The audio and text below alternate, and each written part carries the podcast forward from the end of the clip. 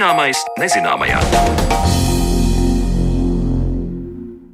Esiet sveicināti redzījumā zināmais nezināmajā. Ar jums kopā esmu es Sandra Kropa, un šodien mēs parunāsim par vēsturi. Izstādes, kurās var aplūkot cilvēkus no tālām eksotiskām zemēm, izrādes, kurās piedalās cilvēki ar anatomiskām īpatnībām un patoloģijām, šādas izklaides šķiet neiedomājamas mūsdienu Eiropā.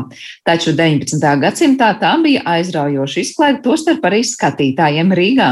Šodien raidījumā skaidrosim, kādi bija šo izstāžu dalībnieku likteņi, kāpēc tā laika sabiedrībā bija interesanti vērot atšķirīgo un kā kino nomainīja šīs dzīvās izrādes. Bet pirms tam ielūk ielūkosimies unikālās anatomijas kolekcijās. Senāk anatomiskās kolekcijas bija universitāšu gods un lepnums. Kolekcijas kalpoja mācību un zinātniskiem nolūkiem, kā arī kļuva par iekārojumu preci. Pašlaik galvaskausi, orgāni un citi šādu kolekciju priekšmeti ir mūzeiskas vērtības. Tāpēc par godu starptautiskajai muzeja dienai un vienlaikus gaidot Rīgā unikālo anatomijas kolekciju no Šveices, piedāvājam turpmākajās minūtēs kolēģis Marijonas Baltkalns veidoto stāstu par lielākajām un vērtīgākajām anatomijas kolekcijām pasaulē. Glezniecībā kā dažus no šedevriem mēs sauktu Rembrandta, Van Goga vai Leonardo da Vinci darbus. Šādi šedevri ir atrodami arī starp anatomijas kolekcijām pasaulē, tā teikt, anatomijas monas līzes. Tām tad arī pievērsīsimies šoreiz, tāpēc uz sarunu esmu aicinājusi Rīgas Stradiņa Universitātes medicīnas vēstures institūta direktoru Juri Salaku un Rīgas Stradiņa Universitātes anatomijas muzeja vadītāju Ievu Lībieti. Viņiem abiem vispirms jautāju, vai lielāko anatomisko kolekciju atrašanās vietu ir sekmējis fakts, ka tieši tur veidojušies arī anatomijas pētniecības aizsākumi, piemēram, Nīderlandē. Vai tomēr būtiski ir bijuši citi faktori, piemēram, kolekcijas priekšmetu pirkšana un pārdošana? Pētniecībai un izglītībai nozīme ir bijusi gan, un to tālāk skaidro Juris Salaks un Ieva Lībiete. Tas faktors varētu būt lielas, stipras universitātes, tieši medicīnas fakultātes un tie pasniedzēji. Līdz ar to Holanda vēl joprojām ir slavena ar kolekcijām un vairākās pilsētās, universitāšu pilsētās. Mēs varam atrast gan Utrechtā, gan Leidenē tādu kolekciju pašā Amsterdamā. Es piekrītu, ka primāri, tad, ja mēs runājam tiešām jau tādā medicīniskā nozīmē, tad tas ir saistīts ar izglītību. Vai nu tā ir privāta kolekcija sākotnēji, nu, Frederiks Roišs, piemēram, Amsterdamā veido savu lielu privātu kolekciju, kuru viņš arī izmanto studentu apmācībai, vai vēlāk tās jau ir kolekcijas, kas parādās jau kā institūcija, tiešām no 18. gadsimta institūcija, lielo universitāšu un lielo slimnīcu kā tādas sastāvdaļas. Bet par to pirkšanu un pārdošanu tur jau ir zinām fakti, ka tās kolekcijas arī vienā brīdī varēja ieinteresēt kādu monārhu, piemēram, un viņš varēja viņu pārpirkt, kā arī no notika ar Roiša kolekciju, kas ir 18. gadsimta sākuma kolekcija, kas ir tapusi Nīderlandē, un viņu ieraudzīja Krievijas cars Pēters I. Viņš pat divas reizes apmeklēja to kolekciju, un ir leģenda, ka viņš pat esot paņēmis un vienu no tiem Roiša preparātiem noslūpstījis, jo viņi esot tā viņu aizkustinājuši, un viņš pārpērk to kolekciju. Un tā kolekcija šodien būtu skatāma Pēterburgā. Jā, bet arī mums tālu nav jāmeklē. Piemēram, Justus Kristiāns von Loders rīznieks, Baltvācietis, kurš vēlāk studēja Vācijā, Ģetingenē, un viņš arī sāk veidot savu kolekciju. Nu, tur gan bija ļoti kaislīga aizraušanās ar šo kolekciju, un tur bija tā pirkšana, pārdošana, pat kredīta ņemšana, lai būtu kolekcija. Šī kolekcija ceļo no Jēnas uz Haulu, pēc tam uz Berlīni, un galu galā pēc Napoleona kara Loders ļoti veiksmīgi viņu pārdot Maskavas universitātei. Ja? Un vēl pirms desmit gadiem es skatījos Maskavas universitātē, kaut kādi 20 preparāti no 4000 ir saglabājušies. Ja? Indeks preparatorum faktiski ļoti rūpīgi uzrakstīts katalogs ir. Un šī kolekcija bija no divām daļām sastāvēta. Vienā zālē bija zinātniskā kolekcija, un otra bija tieši to, ko izmanto lekciju demonstrējumos, ja, jo toreiz jau nebija īstenībā nebija tādu tabulu, ja, kā teiksim, pagājušā gadsimta beigās, ja, bet bija konkrēts eksponāts, to rādīja, ja, varbūt aizstājot līķi preparēšanu. Tas arī bija bizness, jo daudzas kolekcijas tiešām pēc tam tika pārdotas. Piemēram, ģēte viņam atrod šauta ziloņa kaula preparāts, un ģēti tos atrada pie ķemīšu darinātājiem. Ja faktiski viņi nevarēja izmantot to ziloņa kaulu, jo tur ir caurumi, ģēti paņēma un atveda loderam. Ja? Viņa kolekcijas aprakstā vismaz tādi preparāti ir. Jā, tas bija arī biznesa, tā kā kolekcionāriem. Ja mēs tagad no tāda geogrāfiskā aspekta pārējām uz kolekcijas vērtību, jautāšu, kas ir tas, kas tieši nosaka, ka tā kolekcija ir nu, varbūt pat ne ļoti, ļoti iespaidīga eksponātu daudzumā, bet tieši eksponātu vērtībā. Vai tas būtu kaut kādi īpaši galvas kausi vai deformētie orgāni. Nu, jūs jau pieminējāt Sanktpēterburgu un kunstkameru, ja, kas eh, tādā Krievijas mērogā ir labi zinām, arī Eiropas mērogā, bet kas ir tas īpašais, pēc kura saka, nu jā, šī kolekcija ir kaut kas? Nu jā, atgriežoties pie tā paša Frederika Roiša, piemēram, viņa preparāti nu, ir ļoti pazīstami un slaveni vispār visā anatomijas vēstures kontekstā. Tā ļoti īpašā preparātu pagatavošanas veida dēļ, ko viņš ir lietojis. Tie ir vieni no tādiem retajiem, mēs runājam par slapjiem preparātiem, kuriem viņš ir atklājis metodi. Nezinu, vēl, man liekas, tagad dažādi anatomisko preparātu metožu zinātāji lauž šķēpus, tur diskutējot par to, kā tieši viņš to efektu ir sasniedzis, jo tie viņa preparāti ir ļoti dzīvīgi. Teiksim tā, viņi izskatās tā, it kā tas preparāts tikko būtu pagatavots. Tur ir sārtas lūpas, tur ir sārti vaigi, tur ir sārti saglabāta dabiskā ādas krāsa, kas nekad nav raksturīgs, piemēram, formalīnā glabātiem preparātiem vai, vai spirtā, kas vienmēr izbalo un pazaudē šo krāsu. Tā kā tie viņa preparāti, kurus mēs varam redzēt gan Leidenē, gan arī kunstkamerā, ir tiešām ļoti, ļoti īpaši. Viņus jau pilnīgi vizuāli uzreiz var atpazīt. Un tā otrā lieta ir tā, ka viņš kā 17. gadsimta beigu un 18. gadsimta sākuma anatoms nekad nu, nepaskopojās arī ar dekorējumiem. Tur ir pērlītes, tur ir mežģīnas. Viņa katalogos ir saglabājušies arī detalizētas zīmējumi, gravīras par to, kāda veida diorāmas viņš ir taisījis, izmantojot preparātus, īpaši bērnu skeletus. Tie viņa darbi, kas ir saglabājušies, nu, tādā ziņā tiešām ir uzskatām par ļoti vērtīgiem, jo tā ir kaut kāda daļa no tās anatomijas, privāta kolekcija tradīcijas, kas ir saglabājusies līdz mūsdienām, sākot jau no 17. gadsimta beigām. Nu, es domāju, ka tas ir viens no tiem nu, zināms anatoms, liela vieta medicīnas vēsturē, un lūk, viņa pagatavotais preparāts, un ka tam ir nu, jau viss tā kontekstuālā vērtība, kā arī vizuālā. Jā, es viņus noteikti sauktu par mākslas darbiem. Ja un Ruīša kolekciju mēs varam varbūt salīdzināt ar Rembrandta darbiem, jo visi pazīst man tulpjus anatomijas Eh, stundu. Tas pats ir ar Roīša kolekciju, ja, jo mākslas darbi tur ir izdomāts, tā kunstkameras kolekcija gan ir pasaules slavena. Ja. Faktiski tas bija pirmais muzejs Krievijā toreiz, un vēl kaut kur pus anekdotas ciet, ka Pēters I, lai šo tradīciju, lai cilvēki sāktu apmeklēt muzejas, iedibinātu, visiem pēc muzeja apmeklējuma deva čarku vodkas. Jā. Ja mēs runājam par Rīgas anatomijas muzeju tetovējumu kolekciju, vai tas, piemēram, mūs padara arī īpašus Eiropas, pasaules kontekstā, tas taču nav visās kolekcijās kaut kas tāds, vai ne? Jā, tas nav pilnīgi obligāta anatomijas muzeja sastāvdaļa, bet es tiešām biju pārsteigts, cik daudzās kolekcijās tomēr viņi ir atrodami. Varbūt nav atrodami sistemātiski vākti, kolekcionēti tādi kā pie mums, bet pa vienam, pa diviem, pa trījiem atradīsim diezgan daudz, kur jau kaut kādā brīdī kāds anatoms būs preparējot, izdomājis, ka tomēr vērts ir saglabāt arī tetovējumu. Mums ir 30 tetovēta sauso ādas preparātu liela kolekcija. Un tā kontekstam un salīdzinājumam, tad pasaulē lielākā ir tā, kas glabājas Londonā Science muzejā, kur ir 200 tādi šādi te sausi tetovētās ādas preparāti. Nu, tā kā mēs varam redzēt to mērogu, mēs neesam absolūti vislielākā, bet mēs esam nu, tāda pietiekami liela kolekcija, kas demonstrē noteiktas vietas un noteikta laika tetovējumu prakses. Ja, nu, tātad 20. gadsimta sākumā Latvijas teritorijā. Mūsu īpatnība arī tā, ka tie ir sausie preparāti, jo ļoti bieži tomēr tie ir slapji tetovējumi, ievietot vai nu spirtā vai kādā konservantā. Pie mums tā ir sausa kolekcija un labi saglabājusies.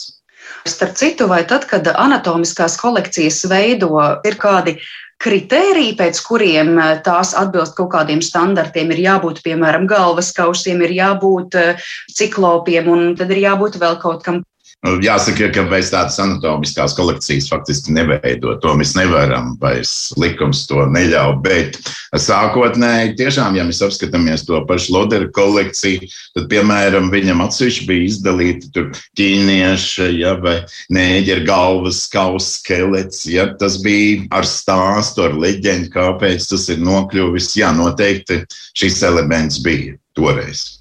Līdz šim sarunā pieminētas jau vairākas nozīmīgas anatomijas kolekcijas, bet abiem sarunu biedriem tālāk vaicāju, ja viņiem būtu jāveido vērtīgāko kolekciju tops, kas būtu tā priekšgalā. Man liekas, ka ir tā, par ko es aizvien vairāk strādājot ar tām anatomijas kolekcijām, pārliecinos, ka mēs noteikti nemaz nezinām visas tās kolekcijas, kuras kaut kur glabājas. Iespējams, brīnišķīgas, bet ja viņas nav padarītas publiskas, un ja viņas kaut kur stāv kādas universitātes pagrabā vai bēniņos, mēs par viņām vienkārši nezinām. Līdz ar to droši vien šo jautājumu mēs varam atbildēt tikai izējot no tā, kas ir publiski pieejams un publiski zināms. Es varbūt sākšu jā, ar savu pirmo. Man liekas, ka viena no tādām no zināmākajām kolekcijām ir Londonas Hunter muzejs, kas ir Karaliskās ķirurgu kolēģijas muzejs. Šobrīd tā ēka atrodas rekonstrukcijā, viņa nav apskatāma, bet man liekas, ka tāda kolekcija kā muzejs ir viens no ievērojamākajiem arī savas vēstures dēļ un arī varbūt kaut kādu ārkārtīgi spilgtu eksponātu un preparātu dēļ, jo šī kolekcija ir slavena ar savu tā saucamo īru gigantu skeletu. Milzīgs tāds 2 metri, 30 centimetri. Nu, tā kā jūs jautājāt, kam tad bija jābūt, nu, gigantu skeletam droši vien katrā kolekcijā vajadzēja būt. Šis te īrs, Čārlis Birne, jau 18. gadsimta beigās Londonā uzstājās nu, šajos tā saucamajos frīku šovos un sev demonstrēja, tā pelnīja naudu. Bet ir zināms, ka viņš ļoti, ļoti pēc nāves negribēja nokļūt anatomijas muzejā. Bija zināms, ka viņš ļoti baidījās no Huntera, jo Hunters bija slavens ar saviem mēģinājumiem jau dzīvam, esot nopirkt to viņa ķermeni, ko viņš nevēlējās. Un tad uh, viņš nomira diezgan agri un uh, sarunāja savus draugus, uh, lai viņi viņu ieslēdz uh, svina zārkā un lai viņš tiktu aizvests un apbedīts jūrā un iegremdēts nu, no laivas, lai Hunters nekad pie viņa netiktu. Un tā arī viņš nomira, tā arī viņa draugi viņu vēdā, un tad pēc četriem gadiem Huntera muzejā tomēr parādījās skelets. Nu, skaidrs, ka viņš viņu bija pa ceļam kaut kur pārpircis. Un šis skelets pēdējos gados, nu, jau īstenībā pēdējā desmitgadē, ir raisījis daudz dažādas diskusijas. Tur ir uh, cilvēki, kas vēlas viņu atkal apbedīt. Un, teiksim, tā ir ētiska diskusija arī zinātniskā līmenī, medicīnas žurnālos par to, ko darīt ar īru gigantu skeletu. Bet tā vēl aizvien nav uh, nekāds gala lēmums pieņemts. Tur ir šī Huntera muzeja valde ir solījusi apsvērt visus par un pret apbedīšanai un tomēr viņa vēsturiskajai un iespējamai zinātniskajai vērtībai nu tad mēs redzēsim, gaidīsim, kad atvērsies jaunais muzejs, un tad redzēsim, būs tur vai nebūs īra gigants skelets. Jā, protams, ka tās pērles dažreiz mēs redzam pavisam nelielos anatomijas muzejos, universitātēs, kas nav publiski, kas ir domāti vairāk studentiem un, un pētniekiem. Bet ir arī publiskas kolekcijas, un noteikti šeit mums jāmin to, ko es personīgi esmu redzējis. Muteru muzejs Filadelfijā. Vīnē ir fantastiska kolekcija paska modeļu. Ja? Florencē arī kaut kas ļoti līdzīgs. Piemēram, tie, kas apmeklē Florenci, noteikti apmeklē anatomijas muzeju. Tas pats arī Vīnē. Es papildināšu par to muteru muzeju, jo man liekas, tā vērtība anatomiskos preparātos, viņi kaut kādā ziņā var slēpties tajā materialitātē, tādā ziņā, ka tas ir kaut kāds ļoti prasmīgi pagatavots preparāts, un, protams, tas var slēpties tajā personiskajā stāstā, ko tas preparāts var arī pastāstīt, jo profesori pieminētajā muteru muzejā tur ir Einsteina smadzenes. Nu, pasakiet kaut ko, ka tas ir kaut kas, kas nav īpaši vērtīgs, vai tur ir aknas slavenajiem sijāmas dviņiem, ja, tiem pirmajiem, ar ko viņi bija savienoti. Nu, tā kā arī šāda veida tie preparāti tur ir. Un uh, Muteru muzejs, man liekas, ir uh, īpaši fantastisks muzejs mūsdienās ar to, ka viņi tiešām vēl aizvien papildina savu kolekciju. Cilvēki novēl savus ķermeņus, īpaši tie, kuriem ir kaut kādas īpatnējas patoloģijas. Muteru muzejs pasaules kontekstā tas noteikti ir kaut kas tāds diezgan unikāls. Pieeja veidot personīgus stāstus par preparātiem ir ienākusi arī Rīgas Stradiņa Universitātes anatomijas muzejā Rīgā, un šī gada beigās tajā nonāks dāvinājums - anatomijas kolekcija no Šveices pilsētas Bāzeles. Tā atspoguļos anatomijas preparātu pagatavošanu 18. un 19. gadsimtā, un kā īpašu šīs kolekcijas vērtību pasaules anatomijas vēstures kontekstā Ieva Lībieta min mumificētu bērna preparātu.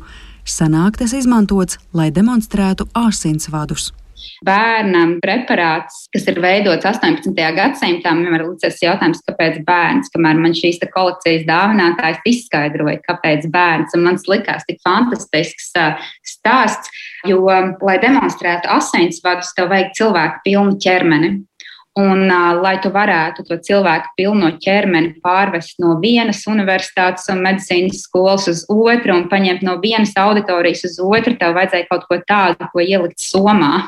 Un, tad, tāpēc šie visi unikālie preparāti asinsvads demonstrējušie pārsvarā no neliela vecuma bērniem, kas ir nolikti speciālā pozā ar vienu roku paceltu virs galvas, pagriezt uz āru, lai demonstrētu aduses, apakšdēlu, augšdēlu asinsvadu redz otru roku nolikt pretējā pozīcijā, un asinsvadi ir injicēti ar kādu vēl pagaidām mums nenoskaidrotu vielu, lai varētu viņus saglabāt. Jā, un man liekas, tā kolekcija, kur mēs pārņemam, ir arī nu, brīnišķīga tādā ziņā, ka viņa demonstrē, man liekas, kopumā anatomisko kolekciju likteņus. Jo anatomiskās kolekcijas vienmēr ir bijušas caurmērā līdz pat 20. gadsimta vidum vajadzīgas tikai, lai mācītu medicīnas studentiem anatomiju. Un tur, kur šīs kolekcijas ir tikušas izmantotas un kur ir bijis pasniedzējs, kas to ir lietojis, tur viņas ir saglabājušās. Jo citur atkal savukārt viņas var būt tikpat labi izzudušas. Šī bāzēlas kolekcija, kur mēs pārņemam, patiesībā ir kompilācija no divu cilvēku mūža darba divās paudzēs, kas ir vienkārši visu vākuši, ko citi ir metuši ārā, kā nevajadzīgi, ka to mēs vairs neizmantosim. Un tā kolekcija tiešām ir saglabājusies līdz mūsdienām, tāpēc, ka viņi ir lietot izglītības procesām. Tā kā Mēs esam ļoti pateicīgi jā, dāvinātājiem par to, ka mūsu muzejā taps tāda atsevišķa ekspozīcija, kas runās tieši par vēsturisko anatomisko kolekciju likteņiem un to saglabāšanas veidiem cauri laikam. Tik tālu par anatomijas kolekcijām pasaulē, bet par etnogrāfiskajām izrādēm un frīku šoviem, kas sajūsmināja un šausmināja cilvēkus 19. gadsimta Eiropā, saruna pēc brīža.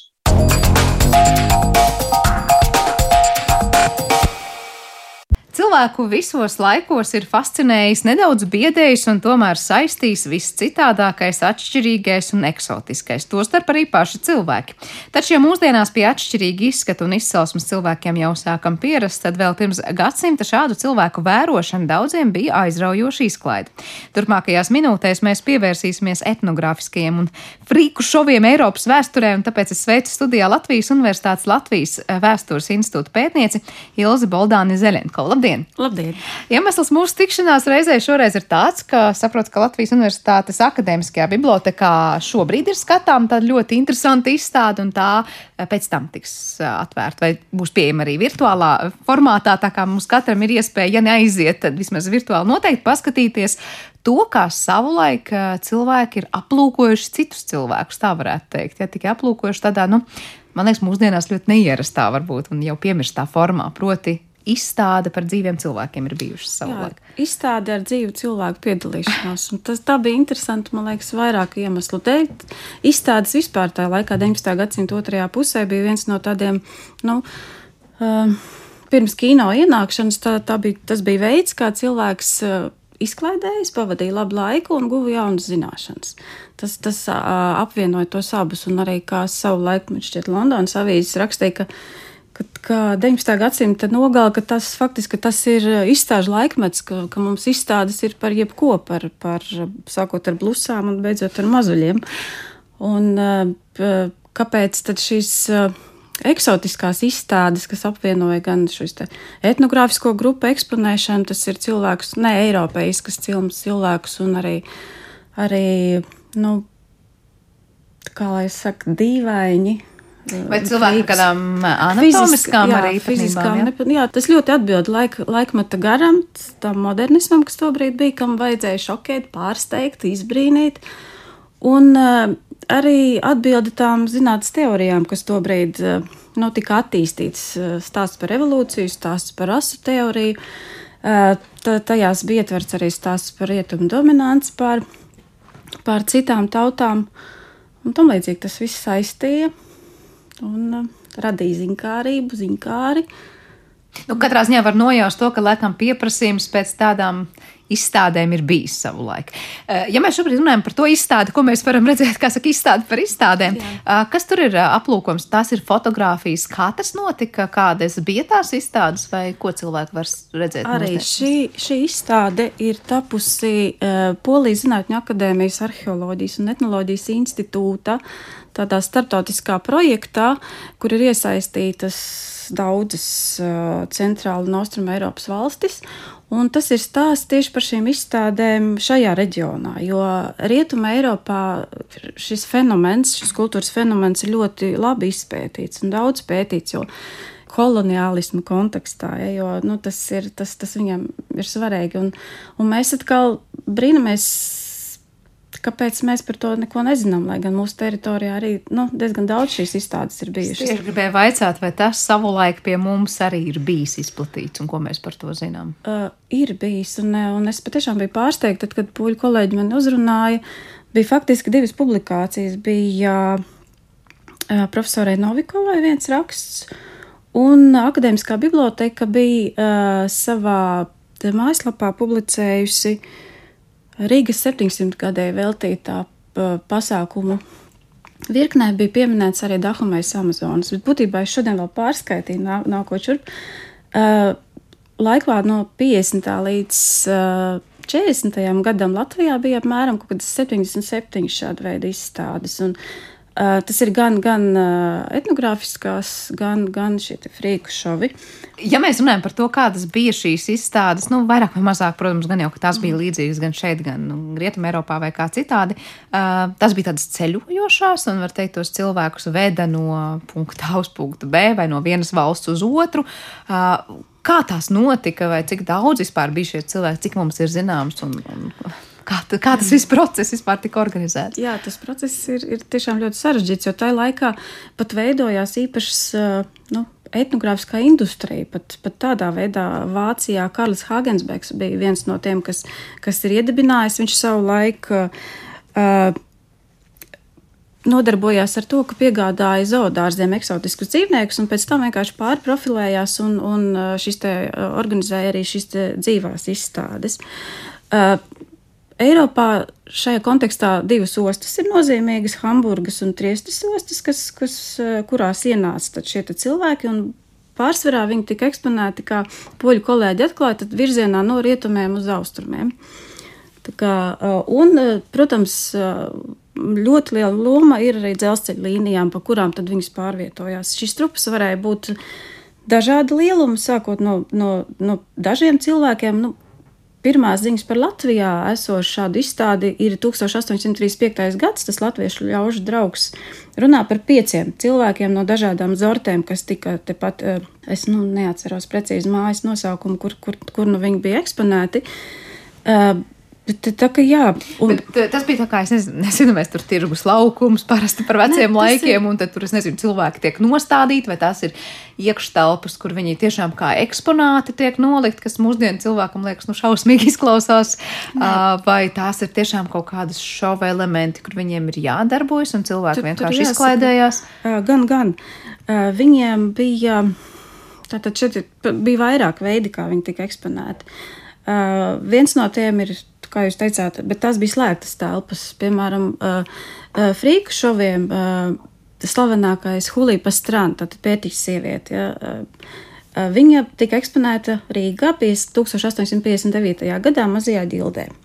Tajā ēkā. Mazās ģildes ēkā tika eksponēti 1870. gadā arī Stijāmas Dviņa, Čangs un Engs bankeri abi šie brāļi. Tad, tad bija konkrētas ēkas, kur, kur, kur, kur notika šīs performances kā, kā īsti par brāļiem, uh, bankeriem, par šiem sijām, dviņiem, kā tā viņa performance notika, es nezinu, bet uh, Džulija Pastrana vai Hulija Pastrana, uh, viņa tā ļoti prasmīgi uh, sevi esot pasniegusi. Viņa patiešām esot bijusi tāda inteliģenta sieviete, kas ļoti kontrastēja ar to viņas ārieni. Tas, tas, tas vēl jau vairāk uh, uzkurināja publiku. Uh, vai mums ir ziņas par to, kā jutās šie cilvēki un kā viņi uztvēra to, ka viņi ir uh, eksponēti? Nu, mūsdienu cilvēkam liekas, tas ārprāts tas ir šausmīgi, vai tā laika sabiedrībā tas bija daudz pieņemamāk? Es domāju, ka viņi izmantoja situāciju, un to uh, viņi nebija, nebija pasīvi. Es domāju, ka daudzos gadījumos arī zinātniekiem domas dalās par to, kā, kā nu tas ir. Un, un, bet, bet viņi nebija pasīvi vērotāji, viņi, viņi arī nu, paši iesaistījās. Un daudz no viņiem arī šeit sijāmas brāļi, sijāmas dviņi, viņi paši bija sev tie impresāri, viņi paši veidoja šos šovus, viņi līdzdarbojās. Un viņi no tā guva peļņu. Viņš saprata, ka tas ir tas veids, kā viņš nu, var sevi uzturēt šajā pasaulē. Un, un brāļi bunkeri viņi pat, pat uh, sapelnīja naudu Eiropā, uh, Amerikā, Ziemeļkarolīnā, uh, nopirka zemi un kļuva par, par vergtuviem. Tā kā, jā, tā kā tas, tas, ir, tas ir dažādi. Un par, par etnogrāfisko šovu dalībniekiem te arī. Nu, Te ir zinātnieki strīdas par to, vai cik atbilstoši ir šis nosaukums human zoo, cilvēku zoodārzi. Jo pirmkārt, jā, zoodārs bija viens, viena no vidēm, kur, kur viņus eksponēja kopā ar viņu dzīvniekiem. Un, un, uh, Bet, bet eh, nu, tā, tā bija tikai skatuve, un Zeudārs tajā brīdī bija faktiski viens no, nu, no iestādēm, kas, kas piedāvāja auditorijai zināšanas. Vai tajā laika sabiedrībā tie eiropieši, kas tomēr, nu, es pieņemu, jūs arī teicāt, ka uzskatīja tā kā sevi par pārāku, varbūt pasaules kontekstā, uztvēra tiešām šo citu mm, rasu, citu tautu cilvēkus tajā brīdī, kad viņi tur, nezinu, savu kultūru parāda vai ko citu. Uh, mm, tiešām kā tādus, nu, te vai nu, nākamajiem dzīvniekiem, kas tiek parādīti, vai, vai viņi ar tādu cieņpilnu attieksmi skatījās uz to citādo. Tā grūti pateikt. Franču vēsturnieki tā ļoti šo rasistisko momentu uzsver, ka, ka, ka, tie, ka tie cilvēki tādā veidā tika pazemināti, ka, ka tās fotogrāfijas, kas ir šie te. Uh, Baltie, Baltie Eiropieši ar, ar, ar, kopā ar, ar, ar viņiem, nu, ka tas, kas, tas tomēr kaut kā, nu, rāda to atšķirību un arī šīs te pārākums sajūta. Nu jā, viens no kontekstiem, kā, kā šīs te etniskās grupas tiek rādītas, ir arī ekspo izstādes, World Expo. Un, un tur, ir, eh, tur ir tas arī šis evolūcijas vektors, kad, kur ir, kur ir tās, nu, šīs primitīvās būdiņas ar, ar primitīvajiem darbarīkiem, tie, tie cilvēki nu, savā vidē. Viņiem ir tie ciemati, ja tas ir viens no veidiem, kā viņus rādīja, eksponēja, viņi izbūvēja ciematus, un viņi tur vienkārši dzīvo, un pārējie iet apkārt un, un skatās. Un uh, tad, tad ir šis ciemats, un tālāk, ejot pa, pa izstādi uz, uz priekšu, viņi virzās pa to evolūciju līdz pat augstākajiem tehnoloģijas sasniegumiem, kas ir tur, nezinu, telefons, kas, kas uz to brīdi bija. Tā kā viņi, nu, ir šis te gan, gan tas, tas, nu, rasu atšķirības, kultūras atšķirības tiek parādīts vienā izstādē, gan arī, nu, ir tas, nu, Evolūcijas jā, ceļš, jā, jā. tas, tas, tas, tas, arī bija. Cik daudz ir zināms par to, kas notika pēc šiem šoviem ar nu, cilvēkiem, kas tajos piedalījās? no vienas puses jūs teicāt, jā, daži kļuva pietiekoši bagāti, un Amerikas Savienotajās valstīs kļuva par vergturiem, kas arī ir diezgan tāds interesants pavērsiens. Es pieņemu, tas ir kaut kas salīdzināms ar mūsdienu kino zvaigznēm vai, es nezinu, vēl kādiem šova zvaigznēm. Vai tomēr tie ir nu, tādi pazemināti cilvēki, pret viņiem nepienācīgi izturējās, un viņi patiesībā, nu, kā saka, paskatījāmies, un pēc tam tiek izmesti? Nu, tie likteņi ir dažādi. Daudz no viņiem, es domāju, atgriezās mājās, jo viņiem arī bija tie līgumi, kas, kad viņi uzsāka savu ceļojumu uz Eiropu, viņiem bija noslēgta līguma. Kā, uh, Viņi atgriezās, daudz atgriezās mājās. Nu, bankieri brāļi, viņi, viņi gan bankrotēja, jā, pēc, pēc ver, verdzības atcelšanas viņi bankrotēja, un tad viņi nākamajā tūrē brauca atkal uz Eiropu, un tā skaitā viņa bija Latvijā to brīdi. Džulija Pastrana, viņa, piemēram, Julija Pastrana, es vienmēr saucu par Džuliju, viņa liktenis, nu, nav apskaužams, viņa mira šķiet 60, 1860. vai 61. gadā uh, dzemdībās, un gan viņu, uh, gan, gan viņas mazuli, viņi tika taksidermēti un pēc tam izstādīti arī pēc nāvis, un tikai 2000. gadu sākumā uh, Viņas, eh, viņas ķermenis tika apbetīts eh, Meksikā, kaut kur eh, viņas dzimtā ciemata tuvumā. Un, un es zinu, ka arī šī Āfrikas Venēra saucamā, arī, arī viņai bija līdzīgs liktenis, kad viņa tikai pēc, pēc nāves atgriezās. Bet jāsaka, ka arī šo aktieru nāvi tas, tas arī tika izmantots kā šova elements. Uh, Piemēram, arī Varšavā bija gadījums, kad nomira viens indiāņu virsaitis, un arī šis bērns tika, tika pasniegtas kā, nu, kā, kā, kā šovs. Tas, tas tā arī bija iespēja, tas bija kā izrādes sastāvdaļa. Un tad, ja runā, ah, un, un Prāgā, viena no šantī grupas dalībniecēm Guta, viņa arī ir atspoguļota šajā izstādē mūsu, viņa Prāgā mira arī šīs publiskās bēres.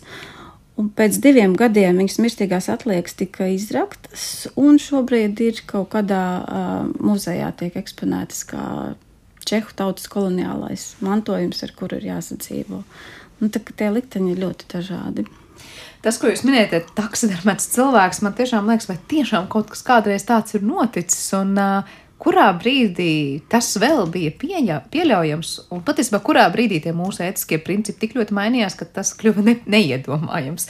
Vai mēs varam runāt, ka nu, šādai vispār domāšanai bija kaut kāds nu, nu, uzplaukuma laiks un norieta laiks? Ja mēs runājam par, par, par eksotiskajiem šoviem, tad būtībā zinātnieki ir saka, ka ir trīs, šķiet, vairāk iemesli, kāpēc tad, tad viņi izbeidzās. Pirmais ir kino ienākšana, otrais cilvēki sāk ceļot, arī kad viņiem ir pašiem iespēja redzēt nepastarpināti bez, bez šī te, nu, tā uzspēlētā autentiskuma, ja, bez, bez tā. Un, un jā, šī priekšstata maiņa pēdējais, pēdējais World Expo, kurā uh, eksotisko grupu uh, eksponēšana notika, bija 1958. gads Beļģija. Tad gan viņus ļoti nokritizēja, un ar, un ar to tas viss arī beidzās. Bet būtībā šie frīki un etnogrāfiskie šovi, tad, tad šovi ar, ar aktieru līdzdalību, kuru, nu, kur tiek izcelta viņa tieši etniskā izcelsme, viņi pamazām 20. gadsimta sākumā viņi pāriet uz cirka arēnām. Viņi no šiem laukumiem, pilsētu laukumiem, nu, mums, mums Latvijā, Rīgā visvairāk eksploatētājs ir, ir ķeizardārs, vērmeņdārs, kur šie šovi notika. Un, jā, Rīgas 700 gadus jubilejas ietvaros Putnu pļava, tas ir tepat. Jā, un viņi no šiem te, no ārvidas viņi pāriet uz, uz cirkus arēnām. Jā, tas, ko jūs minējāt, nevelti kino, man pat pašā sākumā arī likās, jūs teicāt, kas bija tas mērķis, tur pārsteigt un šokēt un izklaidēt, un likās ļoti pazīstams tam, ko mēs uh, dzirdam šobrīd par nevienu vienu varbūt žanru, gan, gan mākslā, gan kā citādi, un likās, vai nav tā, ka ļoti daudz, kas varbūt no, no tā, varbūt no homofobiskā, pat es gribētu teikt, ir pārgājis patiesībā uz citu uz citu formātu vienkārši. Un mēs šobrīd patiesībā tāpat kaut kādā slēptākā formā vai nu jūtamies pārāki par citu rasu cilvēkiem, vai mēs jūtamies varbūt, es nezinu, dažkārt liekas, nu, kāpēc cilvēkus vilina paskatīties, es nezinu, anatomiskas kādas nepilnības cilvēkiem, piemēram. Ja? Vai jūs, prāt, tas ir izzudis pasaulē, vai vienkārši mainījis, eh, varbūt kļuvis tāds mazāk redzams, mazāk dzirdams? Elements. Es domāju, ka mainījies diez vai tā zinkārība jau vienmēr ir, ir bijusi. Un arī, ja mēs paskatāmies, kas tad bērnus vilina visvairāk, nu, vai aha centrā vai, vai kaut kur. Nu, viņi skrien pie tām burciņām, viņi skatās, kas, kas tur ir un kā tur ir. Nu, tas, tas raisa jautājumus un tas kaut kā Nu, jā. Tas, es domāju, ka tas, tas nav izzudis, bet tas vienkārši ir nu, pareizi jānokomunicē. Tas tā ir. Nu, te droši vien jā, ir viena lieta skatīties zinātnes centros vai kādās kon konkrēti tādu veidotās izstādēs kaut ko nekā, piemēram, izstādīt dzīvus cilvēkus un tiešām nosaukt to par, kā jūs teicāt, cilvēku zoo vai kā citādi, nu, kas, kas tiešām izklausās laikam mūsdienu, mūsdienu pasaulē diezgan grūti pieņemami.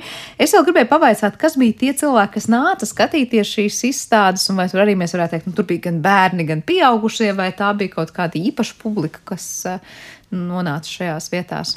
Nu, tā bija, šīs bija paredzētas masu izklaides, bet ja mēs skatāmies Rīgas situāciju un, un skatāmies tās ieejas maksas, tad, tad un arī vidi, kur tas notiek, kā mēs zinām, 19. gadsimta otrā puse, tomēr nu, katram bija sava Rīga, katrai etniskai grupai, kas dzīvoja Rīgā, tā Rīga, katrai, katram tā, tā teritorija katram bija sava. Un, un te tas, tomēr ķēzardārs, vērmaņdārs, vecrīga, tas tā, tā, tā viss tomēr saistās ar Vācu Rīgu un arī arī šis sludinājumu intensitāte, kas ir tā pārsvarā vācu presē, un, un tas, tas man šķiet, tas, tas, un tās izklaides bija vairāk turīgai publikai, jo tas, tas bija tās masu.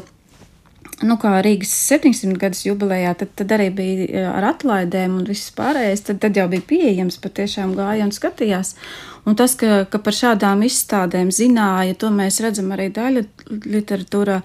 Uh, par mūsu gada tirgiem, kur arī šādi, te, nu, tie, tie, protams, tie bija kaut kādi vāji atdarinājumi, ja tur kaimiņi, kaimiņi, kaimiņi kalpzē, puika, kas, kas tur nosmērējies ar katlu vāku vai ar katlu dibenu, ka, ka tie atdarinājumi bija, vai arī tur kaut kādas nāriņas, nu, tad, tad, tad arī Latviešu zemnieks bija informēts, ka kaut kādas tādas izklaides ir un ka par tām, nu, ir vērts maksāt, ja, ka tas, tas ir kaut kas, kaut kas interesants. Jā, tad, nu, Bet var teikt, tas ziedu laiks tam visam bija 19. gadsimts, lai gan tas sākās, es pieņemu, jau krietni agrāk. Tas ir 19. gadsimta 80. gadi līdz Pirmā pasaules kara sākumam. Tas, tas, tas ir tas laiks, kad, kad, kad bija tie. Tad arī attīstījās dzelzceļa līnijas, bija iespēja viņiem ceļot, un, un šī industrija uzplauka. Tas, tas jā. Tad sākums tas bija tad, kad parādās iespējas vienkārši nonākt citā vietā daudz ātrāk, un, piemēram, ar vilcienu un ceļošanu. Jā, un... jā arī tas ietekmēja. Noteikti arī tas. Jo, tā, kur tad viņas notika? Šīs izstādes arī tas bija uh, atkarīgs no šī impresārija vai šo šovu rīkotāju arī sakariem. Uh, kas arī tur, tur tos zoodārzus apgādājot ar dzīvniekiem, arī bija izveidojušies. Arī, tas, protams, ka tā, tā nebija tāda baigā filantropija, filantropija kad, kad tur izklaidēt un, un, un izglītot sabiedrību. Tas, saprotams, tas bija peļņas jautājums. Un arī Rīga, nu, tas, tas arī liekas, nu, kāpēc Rīga, jo tālāk uz Maskavu, Pēterburgu jau varēja ātrāk aizbraukt pa citu dzelzceļa līniju, bet nu, droši vien ir šī vācu publika, kas, kas uzturēja sakarus ar, ar Vāciju. Un, un tad, tad, nu, pieprasījums visticamāk bija. Pieprasījums bija, jā. Uh, Ko mēs varam spriest par to, kādas diskusijas tā laika sabiedrībā raisīja šīs izstādes? Nu, jūs teicāt, tā visticamāk nebija tāda izglītojoša funkcija, ko cilvēki gāja tur meklēt, vai vismaz ko rīkotāji gribēja varbūt nodot citiem. Tā bija tāda pašausmināties, paskatīties uz citu neiepazīto, pasmieties par citiem, vai, vai tiešām izglītoties un ar tādu zināt, kā ar varbūt kā bērni iet uz dažādām zinātnes izstādēm, nu tad cilvēki mēģināja tajā laikā, kad nebija iespēja internetā paskatīties citas tautas, ja, tad viņi mm. meklēja un ķēra to iespēju. Droši vien mēs jau par to varam spriest tikai pēc publikācijām presē, tās, kas parādījās, un tas bija nu, diezgan, diezgan reti. Jo tas viss, visas publikācijas, kas bija pirms šīs šova vai šova laikā, tās bija radītas ar mērķi, jo tā bija, tā bija industrija, kas uz to strādāja, jo viņi arī reklamēja tos pasākumus, un arī Hagenbeka impērija, viņi patiešām ļoti, ļoti piestrādāja pie tā, lai arī informācija pieejama arī daudzās valodās, ne tikai vācu, bet arī krievu un, un mūsu gadījumā arī latviešu valodā šie rekla, reklāma raksti, viņi ceļoja. Ja paskatās tur, viņi faktiski ir tulkojums, mēs redzam, ka vācu avīzē vai poļu presē arī kaut kas līdzīgs ir bijis. Jā, bet, bet latviešu presē, nu jā, tur, tur ir tie, tie vērojumi, kā viņi ir. Skaidrs, ka viņi tiek salīdzināti ar latviešiem, kādi tad mēs esam un kādi mēs varētu būt bijuši, ja mēs nebūtu pievērsti kristīgai ticībai. Nu, tas tas, nu, tas reizījums ir tāds, protams, jā, jā, jā, tas, tas, tas bija nu, salīdzinājums. Jā. Bet, bet latviešu žurnālisti, tā var teikt, nu, tā, nu, ar zinām līdzjūtību skatījās uz to visu. Un, um, Mēs jau paši zinām, ka 1896. gadā bija Latviešu etnogrāfiskā izstāde, arī pieci antropoloģiskie tipi bija pārstāvēti un viss pārējais. Tas arī tai. Um, Bet arī ar dzīviem cilvēkiem tas notika? Nē, šķiet, ka nē. Nu jā, Dzīvi tur laikam tā forma ir atšķirīga. Jautājums, vai var izstādīt dzīvu cilvēku, un tas jau arī tā laika cilvēkam varbūt likās nu, tā ne īpaši pieņemami. Ja? Nu, jā. Jautājums, jā, kā kurā vietā. Kas jums kā pētniecei liekas saistoši un interesanti tieši? Šīs izstādes varbūt kontekstā, varbūt šo pētījumu kontekstā. Jūs pieminējāt sarunas sākumā, ka daudz vairāk ir pētīts Polijā un arī Rietumē Eiropā. Es pieņemu, tur arī daudz vairāk ir notikušas šīs izstādes, bet cik daudz ir pētīts par šo reģionu, par mūsu kaimiņu valstīm, un kas varbūt ir vēl tie jautājumi, kurus noteikti gribētos noskaidrot. Uh, Ne, man jau mans pirmais uzdevums ir, ir saprast, kas, kas tad īsti ir bijis, cik daudz mēs esam iekļaujušies šais Eiropas norisēs. Un jāsaka, diezgan daudz. Kolēģi Lietuvā un Igaunijā to nav pētījuši. Bet nu, ir, ir atsevišķas atsauksmes uz to, ka, ka šie pasākumi vismaz Viļņā pilnīgi noteikti ir bijuši. Jo vienkārši šis fenomens ir kaut kā aizmirsts. Mēs par to esam aizmirsuši tā veiksmīgi, un es pat īsti nezinu, kāpēc. Var jau, var jau to saistīt ar, ar vāciešu aizbraukšanu 39. gadā un kaut kā tā, bet nu, tas, tā ir tikai hipotēze. Un, Kādas sajūtas vispār pētnieku vidē citās valstīs rada šie jautājumi? Vai šobrīd tur ir tāda tiešām ārprāts, ārprāts un noskurināšanos cilvēks skatās, kā savulaik darīja? Vai ir kaut kādas, kādas ir tās sajūtas pētnieku? Tas, tas ir dažādi. Es saku, Francijas vēsturnieki tā ļoti karavīgi, ļoti nosoda visu to, kas, kas, kas tolaik ir noticis. Viņi tā ļoti vēršas pret šo te koloniālismu politiku, un viņiem līdzīgi, nu tā, kā viņi mēdz teikt, tā kā tāds kauns, kā vāciešiem pa holokaustu, tā, viņi, tā viņi izjūt šo te koloniālismu politiku un to, kas, kas ar šiem te. Uh, afrikāņiem ir, ir, ir noticis. Viņi, viņiem tā vainas apziņa. Vācija atkal tā skatās, nu, tā kā laikmeta kontekstā, ka tas, tas bija laikmetam atbilstoši un tas īsti, nu, tur, tur ļoti pretojas šim te human zoo uh, nosaukumam, ka tas tā īsti nebija, jo tas tomēr bija, tas bija darījums. Jo nebija, nebija tā, ka, ka viņi tur tika savākti, nozakti vai kaut kā tā paverdzināti. Tā nebija. Viņiem bija līgums ar, ar visiem nu, ne gluži apdrošināšana, bet tā skaitā, ka, ka, ka tur, tur daudz, daudzas lietas bija atrunātas. Tā kā tas, tas sajūtas. Bet tādi intensīvākie, ja tā var teikt, organizatori un skatītāji, tad sanāk bija tā Francija, Vācija. Francija, Vācija, Anglija. Tas, un Anglijā tas... kāda ir tā šo, šī brīža sajūta par tā laika mantojumu, arī tāda vairāk uz to Francijas vai Vācijas pusi, nu, tā kā nosodošo es vai domāju, attaisnojošo? Kaut, kaut kā pa vidu tur, tur, tur ir tā, tur, tur nav tik, tik ļoti karēvīgi, jo Francijā tur patiešām ir pat mājaslapa izveidota, un tur, tur ļoti bagātīga informācija var būt par to visu. Un, Viņi regulāri rīko visādas diskusijas, un, un, un filmas ir uh, dokumentālās filmas. Tur ir pat, pat, pat arī vecie kino kroniku fragmenti, nu, kā, kā, tas, kā tas viss izskatījās dzīvē. Un, un tā. Tad, noslēdzot šo sarunu, es vaicāšu jums, kāda ir jūsu pētījuma avoti, jo jūs teicāt, ka jūs gribat vēlme vēl pētīt, un es saprotu, veidojot izstādi, gan jau arī daudz kas jauns varbūt ir atradies un nācis klāt. Vai te var teikt, ir daudz, kur izvērsties, vai ir ļoti maz no kā pētīt un skatīties, kas saglabājies? Jo mums jau runājot ar, ar, ar muzeja darbiniekiem, es īsti neprotu formulēt jautājumu, viņi arī īsti neprot eh, man neko piedāvāt. Bet es domāju, ka laika gaitā mēs kopā strādājot, izējot caur šīm 19. gadsimta otrās puses vai foto vai pastkaršu kolekcijām, mēs atradīsim materiālu. Tas ir viens uh, akadēmiskās bibliotekas. Uh, Rokrakstu un reto krājumu nodaļā afišu kolekcija ļoti labi. Tur patiešām var daudz ko. Tur gan vairāk ir šie frīku šovi, uh, kas, kas vēl ir jāidentificē identificē, kad, kad, nu, kad, kad viņi ir notikuši. Jo tur bieži ir datums un diena, bet, bet uh, gads nav. Jā, tas ir jāsaka, jā, jā, jā, jā. kopā. Es iedomājos, varbūt kāds cits pētnieks savulaik, varbūt uh, pētot kādas senākas dienas grāmatas vai ko citu uzdūries, kam interesantam var jūs sameklēt, un varbūt ir kāds cilvēks rakstījis savus iespaidus vai kādus pārdomus par redzēto. Tas arī būtu ļoti interesanti. Jā, ir, ir um, Jolis Dērings šķiet, viņš uh, arhīvs nesen izdeva viņa piezīmes, un, un tur mēs arī atrodam, ka uh, viņš ir apmeklējis vismaz vienu izstādi, kas ir bijusi šī anatomiskā izstāde, arī man šķiet mazajā dildē, un vērmeņu dārzā, un pēc, pēc, viņa, pēc viņa šiem te atmiņām es atradu, tiešām, jā, atradu presē sludinājumus par, par šo frīku šovu. Tur bija divas, divas lielas dāmas un, un liliputs un, un vēl milzis. Ko viņš rakstīja par to savu iespaidu par, par redzēto?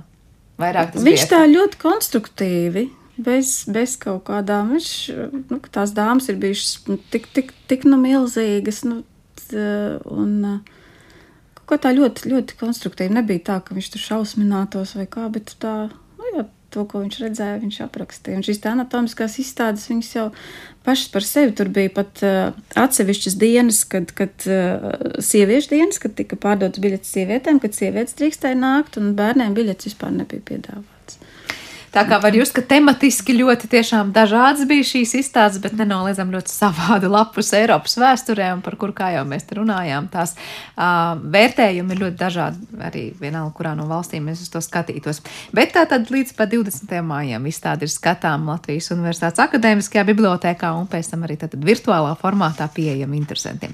Paldies, Ilzi, par šo sarunu, un es atgādinu, ka Latvijas Universitātes Latvijas vēstures institūta pētniece Ilza Boldāna Zeļenko bija šodien mūsu raidījuma viešņa. Ar to arī raidījums ir izskanējis, un paldies par to teikšu producentē Paulai Gulbinskai. Pie skaņa puls bija Kristīna Dēle, par mūziku šai stundai gādāja Girds Bišs, savukārt es ar jums Sandra Kropa tikšos atkal rīt šajā pašā laikā. Visu labu!